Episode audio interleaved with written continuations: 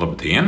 Šodienā podkāstā Ilgtspējīgās pasaules viesojas Rīgas Tehniskās Universitātes vidas aizsardzības un siltuma sistēma institūta pētniece un doktorante Baiva Ieviņa. Labdien, Baiva! Labdien! Mani sauc Kārlis Valters.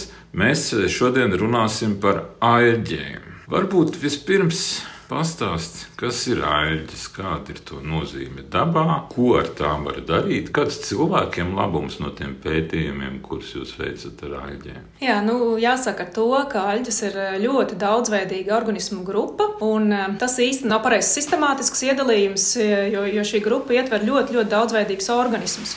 Var iedalīt visas aļģes divās lielās grupās. Tās ir mikroaļģes un makroaļģes, kas ir ļoti atšķirīgi organismi. Mikroaļģes ir vairāk tuvāk tuvākas savā uzbūvē un īpašībās, tuvākas baktērijām. Makroaļģis atkal ir tuvākas augiem, sauszemes augiem, ūdens augiem. Bet visas aļģes vieno šī īpašība, ka viņas spēj fotosintezēt tāpat kā augi, tad izmanto saules enerģiju biomasas ražošanai. Ko tad aļģes īsti dabā dara, ko viņas mums dod? Pirmkārt, jau aļģes ir ļoti daudzu organismu barības ķēdē, kā sākuma posms, un varbūt tas ir, nav tik ļoti manāms, bet, piemēram, arī gan zivju mazuļi, gan daudzas zivis un jūras ūdens iemītnieki barojās ar aļģēm. Ko vēl varbūt daudz nezina, jūrās mītošās aļģes saražo lielāko daļu skābekļa, ko mēs elpojam. Varbūt cilvēki uzskata, ka tas varbūt ir mežs vai tās ir uh, zaļā biomasa cita, bet tieši aļģes ir tās, kas saražo visvairāk skābekļa. Tā kā mums par to ir uh, jāpasakās tieši par skābekļa esamību, mums ir jāpasakās aļģēm. Varbūt cilvēki visvairāk ir dzirdējuši par aļģēm tieši no tā negatīvā aspekta, piemēram,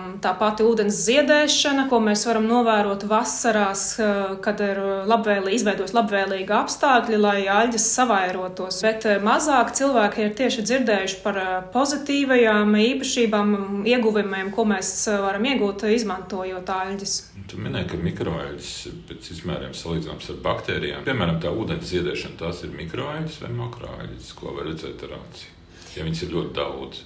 Jā, da, ūdens ziedēšana izraisa mikroaļģes, bet arī mikroaļģes var iedalīt divās kategorijās. Visbiežāk īstenībā ūdens ziedēšana izraisa tieši cianobaktērijas, jeb zilāļģes. Mēs viņus saucam par zilāļģēm, bet viņas praktiski ir e, baktērijas, viņas ir prokarioti. Tātad e, viņas pieder pie baktērijām, bet viņas tiek e, iedalītas. Prokarioti, tātad viena bija ar šūnā, kurā ir kodols, Jā, kuri bija kuries tagad? Prokarioti ir tie, kuriem nav atsevišķi nodalīts kodols ķīmeles, tātad baktērijas, pie kurām mēs ieskaitām arī zilāļģes, jeb cianobaktērijas. Kādas ir mikroāļu izmantošanas iespējas?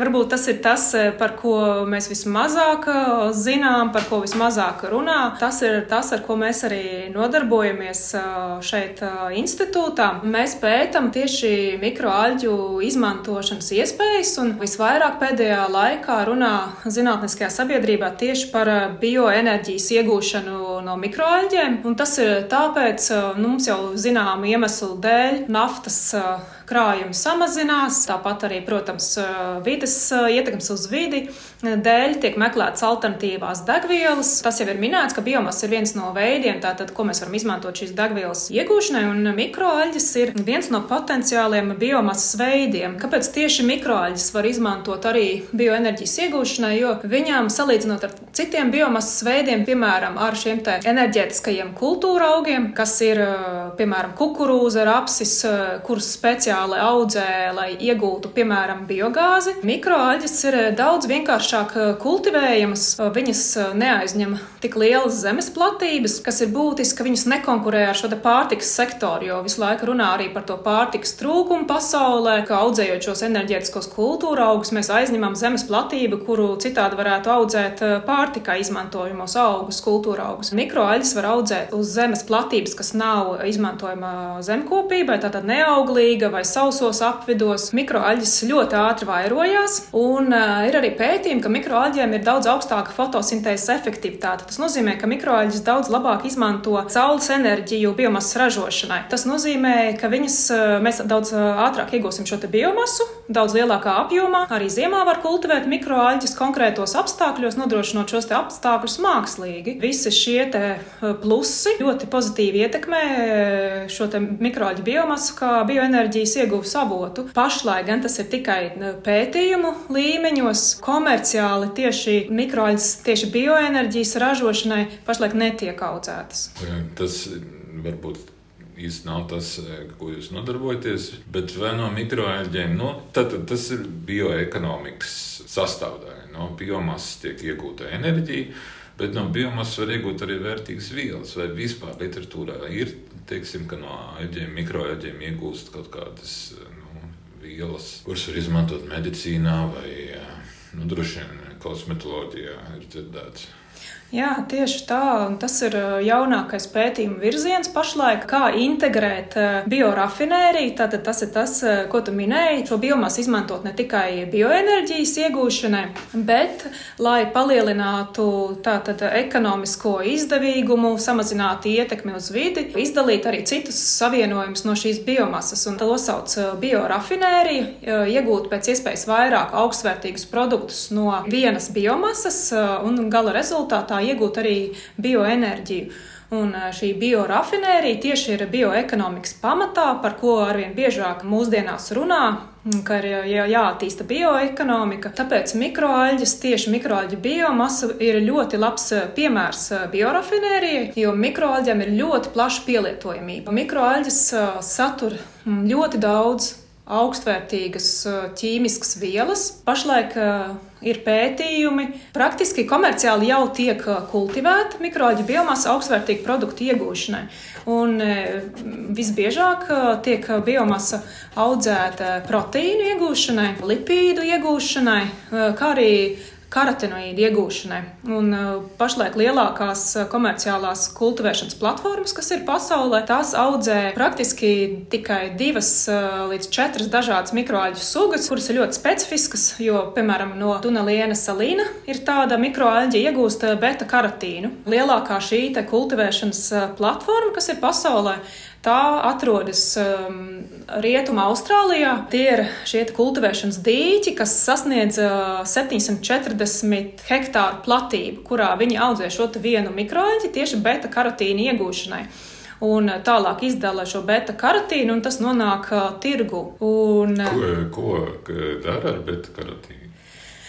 Nu, beta karotīns ir zināms eh, kā vitamīna A priekštecis, un eh, ļoti daudzās eh, kultūrās, daudzās, daudzām rasēm ir šī vitamīna deficīts, un, un tā tad viņu lieto kā papildus piedevu pārtikai, lai uzlabotu šo A vitamīnu daudzumu organismā. Interesanti, ka augos, aļģēs dažādos bioproduktos ir ļoti daudz dažādu interesantu ķīmisku vielu. Piemēram, kafijā ir vismaz 1500 dabisku ķīmisku vielu, vēl bez kofeīna. Un tās ir tikai tās, kuras ir noteiktas, kuras ir identificētas konkrēti pēc ķīmiskās struktūras, kas tās ir. Noteikti, ka kafijā ir vairāk.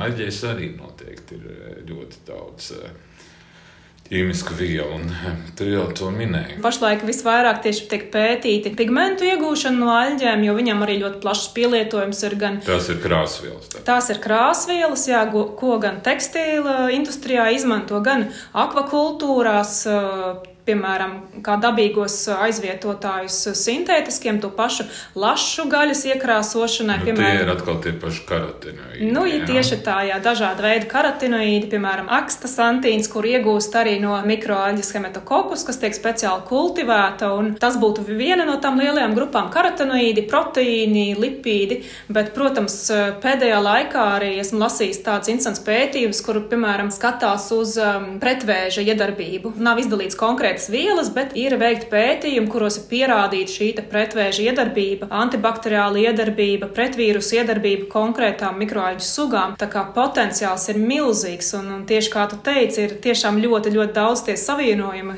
mikroaļģēs. Un arī tas, ka mikroaļģu sugu ir tik ļoti, ļoti daudz, nav konkrētas aplēses, bet ir pētījumi, kuros min, ka nu, sākot no 30 tūkstošiem līdz pat vienam miljonam aļģu, dažādu aļģu sugu ir pasaulē. Un izpētītas ir eh, varbūt tikai pāris eh, simti līdz tūkstoši. Vēl mazāk ir tiešām aprakstītas un vēl mazāk izmanto pētījumos, jo laboratorijās pārsvarā izmanto šīs standarta sugas, eh, kas ir tiešām saskaitāmas pāris desmiti sugas kur, kuras var atrast pētījumos, bet ļoti daudz ir vēl sugas, kas vispār nav pētītas. Un ir īpaši tās, kas aug kaut kādos ļoti specifiskos apstākļos. Piemēram, ir aļģes, kas var augt karstajos avotos, kas iztur ļoti, ļoti augstas temperatūras, piemēram, līdz pat 80 grādiem. Tās noteikti satur ļoti interesantas ķīmiskas vielas. Tāpat arī ir aļģes, kas var augt arktiskajos ūdeņos, kas aug uz ledājiem. Tātad tas spēj izturēt ļoti, ļoti zemes temperatūras un ļoti mainīgus vidas apstākļus. Un tās noteikti ir avots avots ļoti interesantām ķīmiskām vielām. Jā, ir pat atsevišķa zinātnīs nozara, dabas vielu ķīmija, kura tieši tā no dabas vielas tiek izdalītas. Nu, tam pamatā, arī no aļģiem var izdalīt pretvīrusu līdzekļus. Jā. Tad šīs aļģes pašas cīnās pret vīrusiem jā, un ir evolūcijas ceļā attīstījušas visefektīvākās ķīmiskās vielas, kas cīnās pret šiem vīrusiem. Jā, taisnība. Jā, ir arī tāda vīrusa, kas aļģēm uzbrūk specifisku aļģu vīrusu, tāpēc viņiem arī šī aizsardzība ir izstrādājusies. Iespējams, nu, mums zināt, zinātniekiem vispār nav tik daudz laika Bet iespējams, ka no āķiem varētu arī izdalīt kādas vielas, kas darbotos pret covid-19, bet to mēs nezinām. nu, jā, tas ir atsevišķi pētījuma virziens noteikti, bet iespēja, protams, tāda ir, ņemot vērā, cik tiešām daudzveidīgas šīs vielas jau ir iegūtas no mikroaļģiem.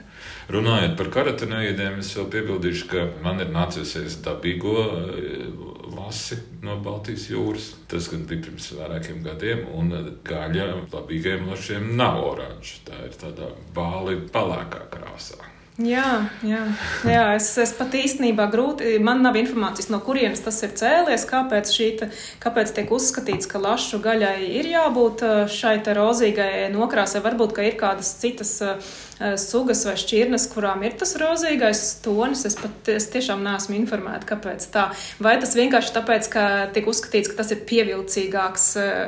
Uh, izskats padara šo gaļu pievilcīgāku patērētājiem nekā šis pelēcīgi balganais tonis. Tie karotīni viņi ir dod labumu arī barībai. Jā. Jā, nu taisnība. Jā, Tur ir gan, jā. gan. Mm. tāpēc es, es domāju, es precīzi nezinu, bet es domāju, ka cilvēki ir pieraduši, kā nu, tie audzētie laši, ka viņi ir tādi krāsaini.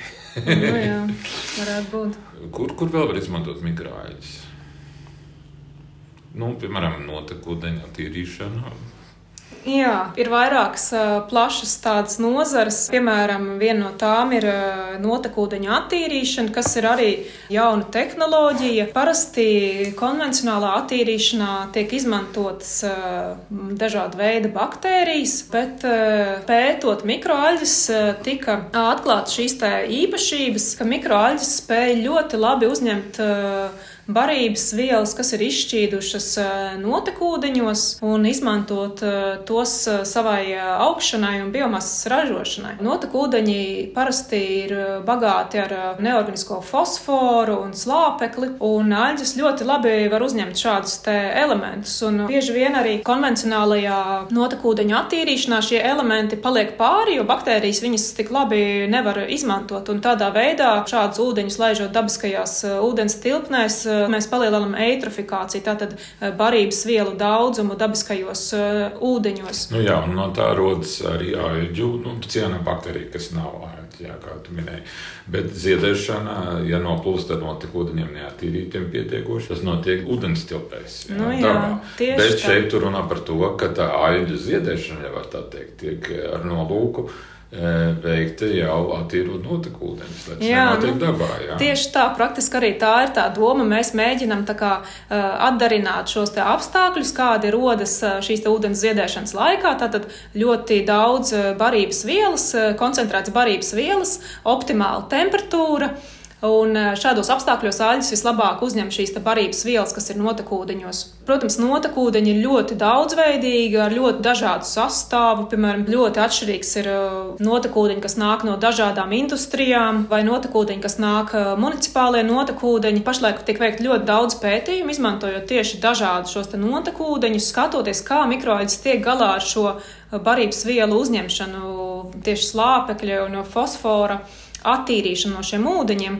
Un pētījumi ir ļoti progresīvi un ļoti iepriecinoši, jo mikroaļģis spēj uzņemt un patērēt 90-100% no šīm vielām, un praktiski, ko mēs iegūstam, ir pilnīgi attīrīts ūdens, kuru mēs varam laist jau atpakaļ ūdens tilpnēs. Tātad aļģiem ir ļoti, ļoti, ļoti liels potenciāls šajā ūdens attīrīšanā. Lauksaimniecības notekūdeņi, kur ir piemēram arī lielopu cūku mēsli kas, kā zināms, satur ļoti augstas amoniaka koncentrācijas. Šis amoniaks ir arī kaitīgs mikroļģiem pārāk lielās koncentrācijās. Tomēr šos notekūdeņus pētījumi rāda, ka viņus ir iespējams izmantot mikroļģu kultivēšanai, jo amoniaks tieši ir tā forma slāpeklim, ko vislabāk aļas uzņem.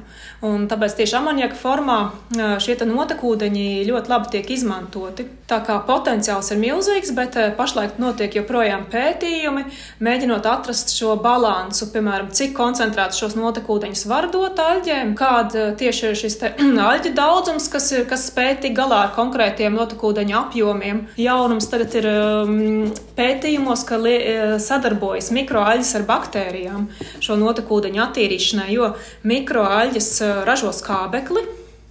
Un baktērijas atkal izmanto šo skābekli, ko mikroaļas ir radījušas, un spēja vēl labāk sašķelt uh, kaut kādus uh, tos pāri palikušos biodegradējumos produktus, kas ir šajā notekūdeņos iekšā. Baktērijas vai tā ir simbioze, tā saucamā, ka baktērijas arī dod kaut kādu labumu aļģēm vai tikai gūst labumu. Nu, jā, nu, bakt, to varētu saukt par simbiozi, jo baktērijas atkal tieši izdala CO2, ko aļģes uh, uzņem un uh, asimilē. Tā kā tas ir tāds lokus, tāds cikls, uh, kurā sadarbojoties tiek iegūta tieši visaugstākā attīrīšanas pakāpe šiem notekūdeņiem. Un tā dabā ir, ka Katram organismam ir sava niša, ko tas aizņem un, un veic to funkciju, ko evolūcijas gaitā ir izveidojies tā, ka tas organisms to vislabāk var veikt. Taisnība. Tā jau, man liekas, arī ir viszinātniskos pētījumos, arī, ja mēs paskatāmies uz tiem procesiem, kā notiek dabā, no tiem var kā, iedvesmoties, un ja mēs vairāk ieskatāmies, kā tas dabiski notiek, šie procesi un kādi organismi mījā darbojas, mums arī ir vieglāk laboratorijā saprast, kaut kādas sakarības starp kaut kādiem procesiem un varbūt tieši iedvesmoties no dabas un pasmelties kaut kādas idejas, kā tas notiek dabā, un to varētu pārnest arī uz eksperimentiem, un no tā varbūt kāds jauns arī inovatīvs, eh, inovatīvs idejas, kā arī, piemēram, šī baktērija un mikroaļģu sadarbība. Jā, nu, mūsu podkāstam viens no tādiem galvenajiem mērķiem ir pastāstīt cilvēkiem, cik zinātne ir interesanta.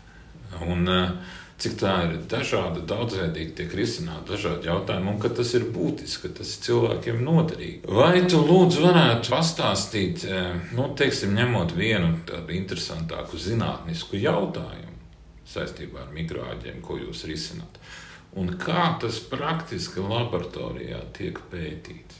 Mēs pētām ļoti dažādus aspektus. Piemēram, aļģu kultivēšanu. Jā, nu, Kā tas vispār notiek? Nu, kādos apjomos tas ir? Tur ir 100 litru reaktors, vai tur ir kolbiņā 100 ml.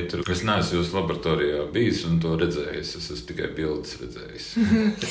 Jā, viss sākās. Es domāju, tā visprecīzāk būtu teikt, ka viss sākās no, no maziem, maziem izmēriem, un tālāk tiek šīs sistēmas palielinātas, vai angļuiski to tēvē pa scale up. Tātad no mērogošana. Jā, mērogošana. Tātad mēs nevaram uzreiz sākt ar milzīgu bioreaktoru, ielikt pāris šūnas un cerēt, ka tur viss augs un viss būs skaisti. Tātad ir jāsāk ar tām mazākām kultūrām.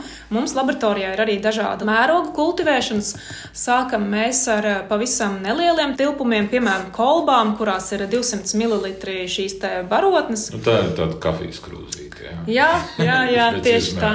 Jā, un vispār jau sākums bija ļoti interesants, kad mēs sākām tieši strādāt ar mikroaļģiem. Pasūtījām konkrētas mikroaļģu sugas, kurus mēs izvēlējāmies starp visiem šiem tūkstošiem sugu, ātru augšanas ātrumu, labi pielāgošanos vidas apstākļiem. Tad atlasījām šīs potenciālās sugas, pasūtījām, un mēs dabūjām tādas maziņas mēģinītes, kuru virsū uz baronas tādi daži zaļi punktiņi.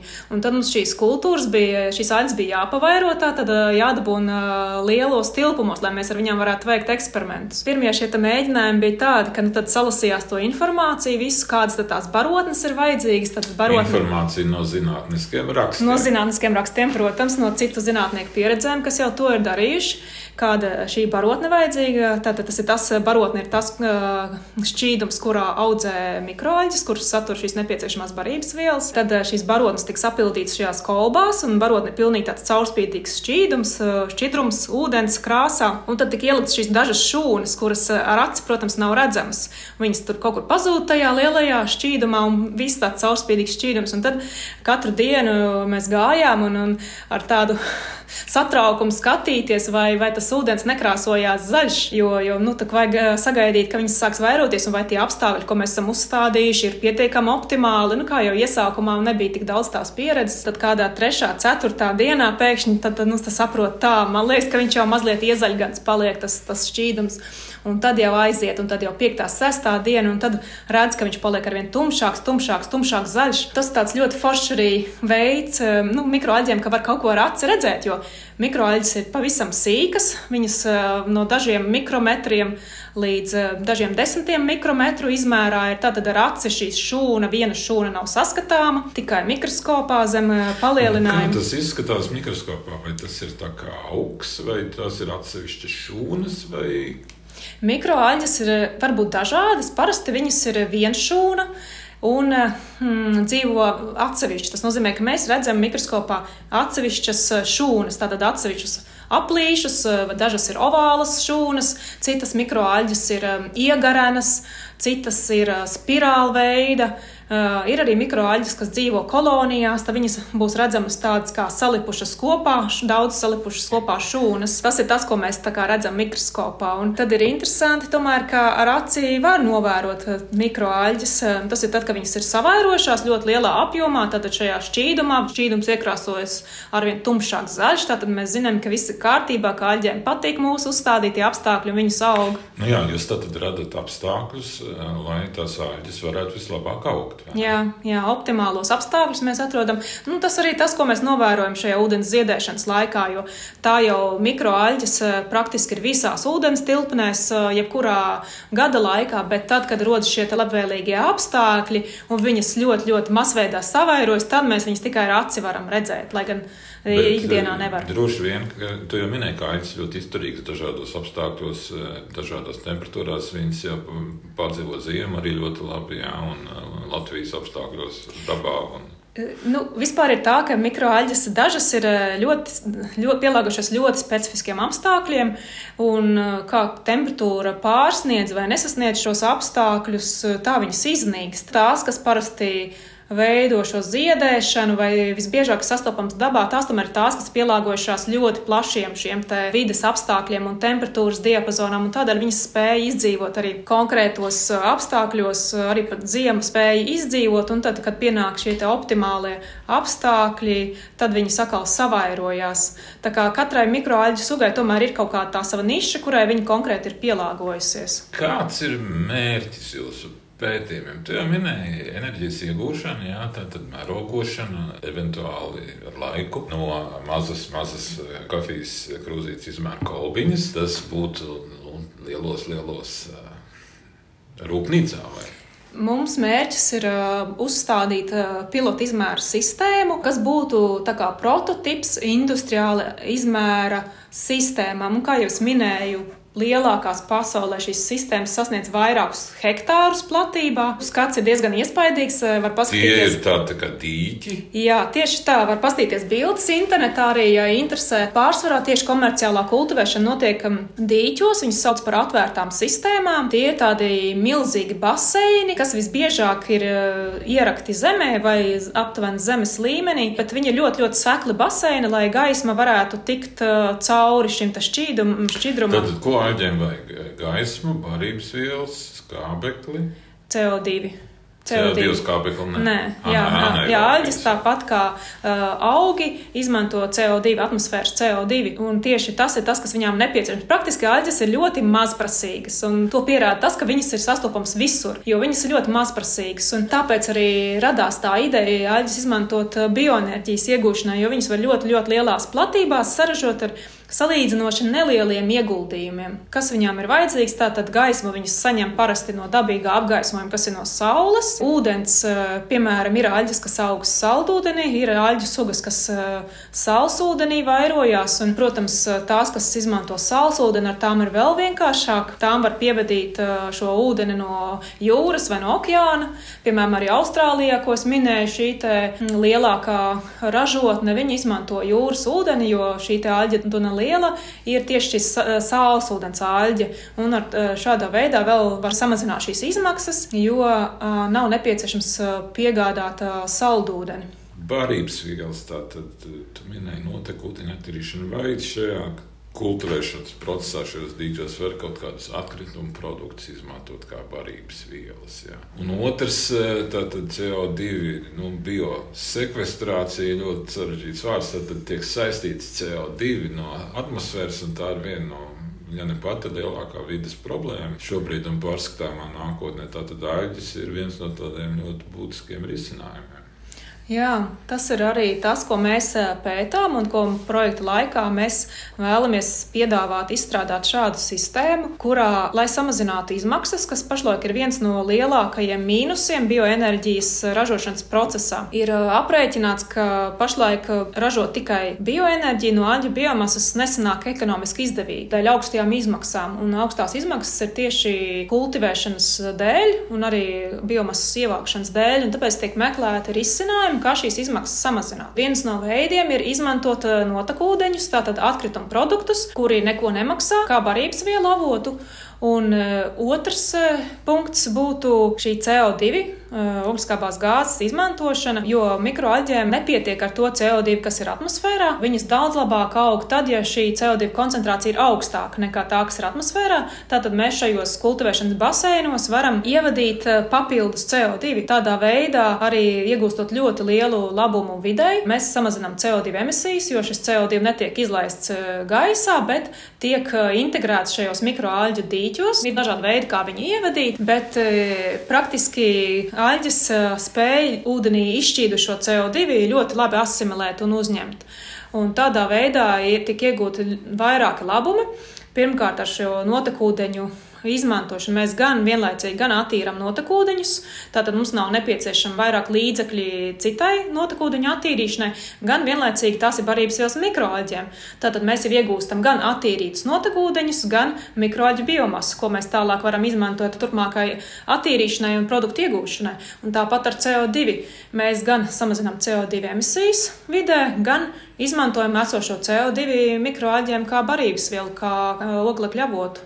Tas izklausās pēc ļoti laba risinājuma. Tiek piedāvāt risinājumi, kur CO2 tiek apglabāts augsts, nu, faktiski nevis augstnē, bet ģeoloģiskās sistēmās, jā, nu, tad, tad zemes dzīvēs, bet tas ir ekonomiski ļoti dārgi. Jā, un šeit tiek iegūts labums arī. Un, nu, Jā, tā ir. Ir ļoti daudz, nu, pašlaik ir pētīti dažādi veidi, kā šo CO2 uh, sekvestrēt. Un, Un uh, tieši šis bioloģiskā sistēma ar mikroāļiem ir atzīta par uh, ļoti potenciāli efektīvu, bet uh, nu, arī šeit ir savi mīnusi, jo daļa no CO2, kas tiek ievadīta šajos dīķos, viss netiek absorbēts, un, un daļa tomēr iziet joprojām ārā atmosfērā. Nu, tas nekas. Un, nu, protams, bet nu, arī tur tiek pie tā tiek strādāts un tiek meklēt risinājumi, kā, šim, kā palielināt šo CO2 šķīdību ūdenī, lai, lai tomēr arvien mazāk, mazāk procenti paliek, kas tomēr aiziet atmosfērā. Un ir visādi uh, efektīvi risinājumi arī atrast, un šīs, šīs visu laiku tiek uzlabota šī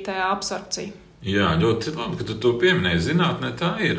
Labi, tas vairāk uz dažādiem izgudrojumiem attiecās. Sākumā nevar saprast, kāpēc, kas vispār, kā to varēs praktiski izmantot. Un tad ar laiku jau tiek uzlabots un uzlabots šis risinājums, bet tie pirmie pētījumi varbūt nav optimāli, jā, bet tiek izpētīti principi un tiek nu, radīts produkts, radīts kaut kāda, šī gadījumā, aģu populācija, kas veic zināmas funkcijas, un pēc tam tā efektivitāte tiek uzlabota pakāpeniski. Jā, tieši tā, un bija arī laiks vēl pirms pāris, nu jau pāris desmit gadus atpakaļ, kad ļoti daudz pētīja šīs mikroaļģes un šīs biodegvielas iegūšanu. Tad bija tāds apskata raksts, kurā tika beigās konstatēts un secināts, ļoti labā žurnālā nopublicēts, ka bioenerģija no mikroaļģēm nav iespējama, nav ekonomiski izdevīga un nav iespējama. Pēc tam sekoja arī vairāki citi raksti, kas apskatīja līdzīgi šo, šo tēmu. Tad parādījās jauni pētījumu virzieni, piemēram, šo notekūtiņu izmantošanu āļģu audzēšanā, kas uzreiz palielina šo ekonomisko izdevību izdevīguma. Bet, protams, ja mēs skatāmies, ka mēs izmantojam ķīmiskās barības vielas, kas, piemēram, ir šie paši mēslo, ķīmisko mēslojumi, kas mums izmaksā vairāk nekā mēs beigās iegūstam no šīs āģa biomasas, tad, protams, mēs skatāmies, nav ekonomiski izdevīgi.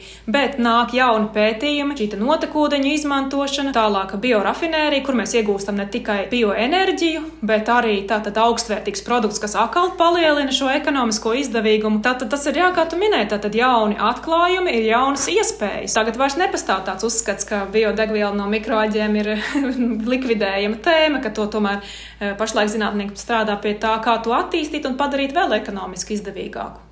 E, jā, kurās valstīs visvairāk notiek pētījumi un viss tāda progresīvāk ir šī jomā?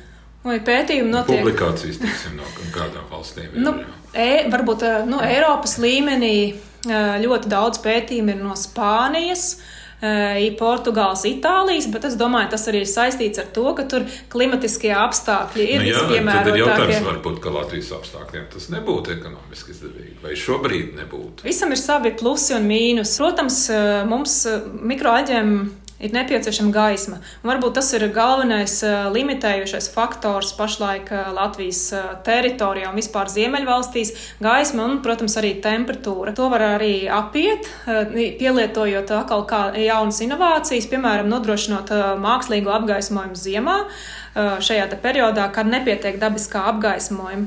Bet arī tajos pašos dienvidos, kur saules ir daudz, tur ir citas problēmas. Tur, piemēram, akal ir ļoti temperatūra var pārsniegt nepieciešamo temperatūru aļģiem, optimālo temperatūru, kā arī, piemēram, iztvaikošana ir ļoti liela problēma, ko mēs varbūt savos klimatiskajos apstākļos nemaz nezinām, ka tā tāda problēma var būt, bet tā ir. Temperatūra arī var būt pārsniegta, tīpaši tāpēc, ka šie dīķi, parasti kultivēšanas dīķi, ir ļoti sekli, ūdens uzkarst un temperatūra pārsniedz šo te optimālo temperatūru. Viņiem atkal ir citas problēmas. Viņiem ir jāmēģina atdzesēt, lai samazinātu šo temperatūru.